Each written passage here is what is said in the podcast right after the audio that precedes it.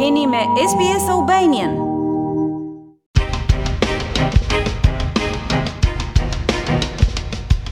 Aktivistët kundër dhunës në familje kërkojnë që qeveria e ardhshme federale të investojë më shumë në ndryshimin e sjelljes dhe qëndrimeve të autorëve të dhunës në familje. Ata thonë se për një kohë të gjatë, fokusi ka qenë kryesisht në ndihmën ndaj grave dhe fëmijëve që lëndohen nga dhuna dhe nuk është bërë përpjekje e mjaftueshme për të parandaluar autorët e dhunës. Të ndjekim raportin. Çdo 9 ditë në Australi, dikush vret partneren, bashkëshorten ose ish partneren apo ish bashkëshorten. Ndonjëherë janë fëmijët që vdesin në duart e njerëzve që kanë përgjegjësinë më të madhe për sigurinë e tyre.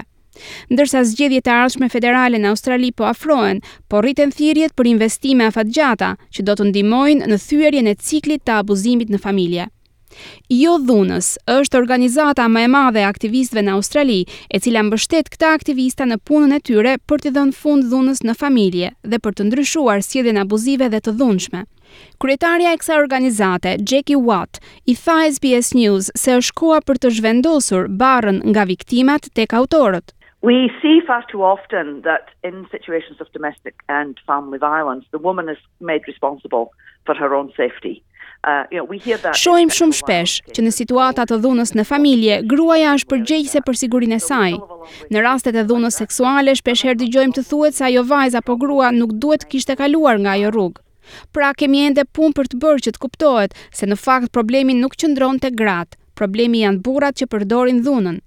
Në fjalimin e tij hapës në Samitin e Sigurisë së Grave në dy mijë e njëzet e një, kryeministri Scott Morrison pranoi nevojën për t'u fokusuar në qëndrimet themelore ndaj dhunës. The only way we end violence is to focus our efforts to prevent it from happening in the first place.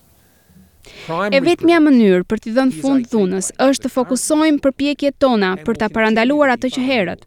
Parandalimi i dhunës është një pikë kyçe e planit kombëtar aktual dhe do të vazhdojë të jetë thelbësore për strategjinë tonë afatgjatë. Ne duhet të synojmë që të ndryshojmë sjelljet dhe qëndrimet, në mënyrë që të ndalojmë dhunën përpara se të fillojë. Por zonja Watt beson se sistemi aktual vazhdon t'i lërë në baltë viktimat e mbijetuara, duke thënë se plani i ardhshëm kombëtar i Australisë duhet të japë një rezultat më të mirë për gratë dhe fëmijët. We are missing a consistent system across the country. Na mungon një sistem i qëndrueshëm në të gjithë vendin.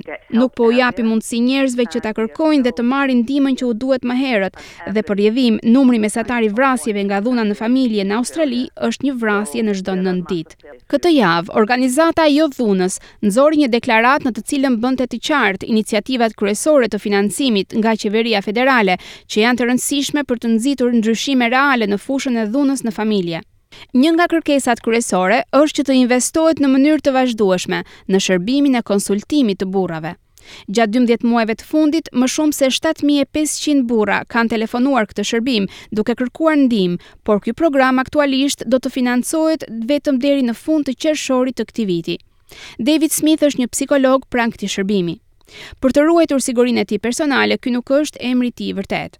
Ai thotë se ndryshimet e sjelljes funksionojnë vetëm nëse dhunuesi e pranon që përdorimi i dhunës nga ana e tij është i papërshtatshëm dhe kërkon ndihmë. There are men who get referred here or who go to men's behaviour change programs because they're court ordered or whatever and they do it for the wrong reasons.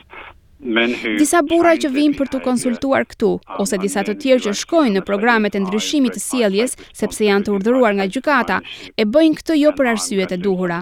Burrat që vërtet ndryshojnë sjelljen, janë ata burra që në fakt thonë, Po, jam përgjegjës dhe autor i sjelljes time, dhe do të bëj diçka për të zgjidhur problemin që kam me këtë sjellje të dhunshme. Jess Hill është autore dhe gazetare që ka mbuluar gjerësisht dhunën gjinore në Australi. Ajo thotë se një problem kryesor është koha e pritjes që burrat të pranohen në programet e ndryshimit të sjelljes. If you have men who are worried about their behavior or who have been mandated by the court to attend a, a program and they can't get in for months then we don't have any eyes on that individual you know they don't have Shumë burra janë të shqetësuar për sjelljen e tyre ose kanë detyrim nga gjykata për të marrë pjesë në programet e rehabilitimit të sjelljes, por nuk arrijnë dot të marrin pjesë në një nga këto programe për muaj të tërë. Kështu që ata nuk kanë ku të flasin mbi sjelljen e tyre që i shqetëson, do fillojnë të ndiejnë zhgënjim dhe të pambështetur nga askush. Në të gjithë Australinë, kohët e pritjes për të hyrë në programet e ndryshimit të sjelljes së meshkujve mund të kalojnë gati një vit. Ajo shton se megjithëse Australia ka bërë një punë të mirë për të kuptuar përvojat e viktimave të abuzimit në familje, bisedat rreth burrave që përdorin dhunë kanë avancuar shumë pak. It's not just actually funding that we need to be on top of Në fakt, zgjidhja nuk është vetëm në gjetjen e fondeve për të financuar programet. Na duhet të arrijmë në një marrëveshje se cila është mënyra më e mirë për ta trajtuar sjelljen e dhunshme.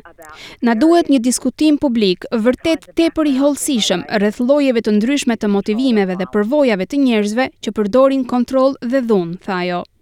Por zonja Hill shqetësohet gjithashtu se programet afatshkurtra të ndryshimit të sjelljes mund të mos trajtojnë siç duhet qëndrimet themelore ndaj dhunës. There can be behavioral changes that last for um, a particular amount of time and then followed by a regression. So that's why Sjellja you know, mund të ndryshojë për pak kohë um, dhe pastaj të përkeqësohet përsëri. Prandaj duhen studime më afatgjata që do të nxjerrin të dhëna se si ndryshon sjellja e dhunuesve 2 vjet nga përfundimi i programit. 5 vjet apo edhe 10 vjet. A janë përmirësimet në sjellje të qëndrueshme, sepse mendoj se ky është problemi me disa nga këto programe afatshkurtra. Duan të çmësojnë zakonet e këqija që kanë zgjatur përgjatë gjithë jetës së individit. Dhuna në familje i kushton ekonomisë rreth 15.6 miliard dollarë në vit dhe pjesa më e madhe e financimit të shtetit shkon për t'u ofruar mbështetje financiare grave dhe fëmijëve që ikin nga partnerët e rrezikshëm. Jackie Watt nga Jo Dhunës i kërkon qeverisë federale të ripërqendrojë përpjekjet e saj drejt zgjidhjeve afatgjata. service model, we will continue to need to build more and more refuges. Now, nëse vazhdojmë të ndërtojmë strehë për gratë dhe fëmijët që i ikin abuzimit dhe nuk kemi model tjetër shërbimi, do të vazhdojmë të ndërtojmë gjithnjë dhe më shumë strehë të tilla. Por do të ishte më efikase të kapet dhuna që kur nis të përdoret, për të edukuar të rinjtë tanë, djemtë, vajzat dhe të tjerët, si të ndërtojnë një marrëdhënie të respektueshme. si të kenë akses në shërbime dhe të sigurojnë që ato shërbime janë të disponueshme sa më shpejt që të jetë e mundur, sepse kjo ka të bëjë me shpëtimin e jetëve, ka të bëjë me shpëtimin e jetës së grave, shpëtimin e jetës së fëmijëve dhe kjo është më e rëndësishmja. Nëse ju ose dikush që njihni po provon dhunë seksuale ose dhunë në familje, Telefononi një mijë e tetëqind respekt në një mijë e tetëqind shtatë tre shtatë shtatë tre dy. Në rast urgjence, telefononi triple zero.